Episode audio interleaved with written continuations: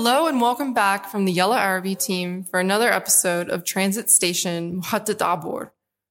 Don't forget that we have the transcripts and translations to all of our episodes available on yellowarabi.com. And if you like our work and want to support us, we have a Patreon and we will include the link in the description. In this episode, we are talking about Ahlam Mustaghanmi, who is an Algerian writer and novelist. She is considered one of the most influential Arab women writers. Ahlam attended the first Arabic primary school for girls in Algeria at a time when the Algerian society was rediscovering its identity and recovering from a brutal colonial past. It was not prepared to see a woman express herself so freely on subjects such as love and women's rights, and even less prepared to see her do it in the Arabic language. Her books include some really beautiful quotes, which Samra will read for you at the end of the episode.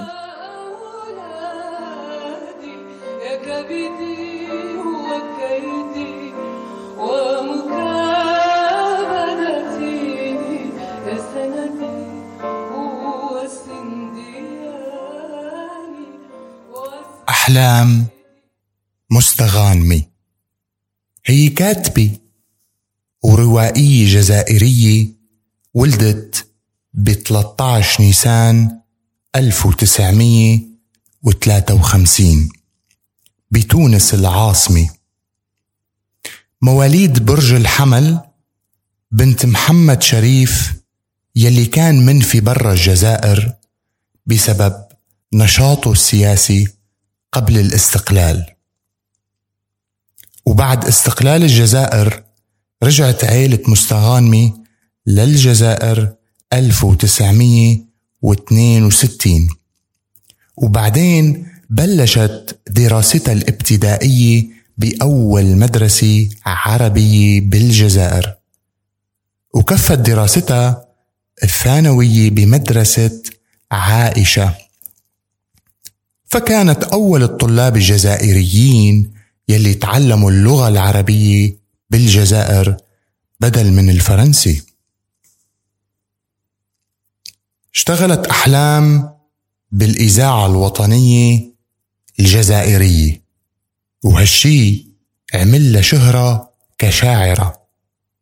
لاقى برنامجها همسات قبول كبير من المستمعين.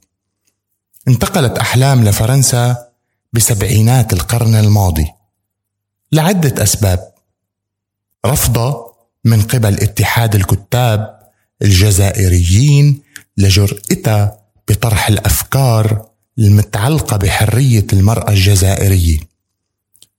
اتهام مستغانمي؟ مستغانمي بأنه عم تحرض النساء على أزواجهم وهالشي سبب لها نوع من الإحباط.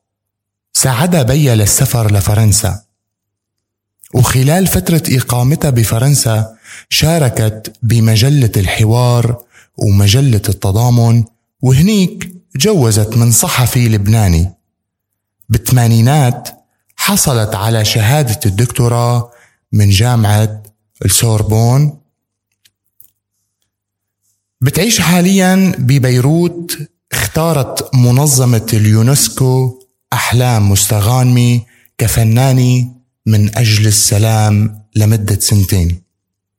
باعتبار إحدى الكتابات العربيات الأكثر تأثيرا بالإضافة لهالشي بتنعد مؤلفاتها من بين الأعمال الأكثر رواجا بالعالم نظرا لتميزها بالكتابة عن حقوق المرأة والحوار بين الثقافات ومكافحة العنف.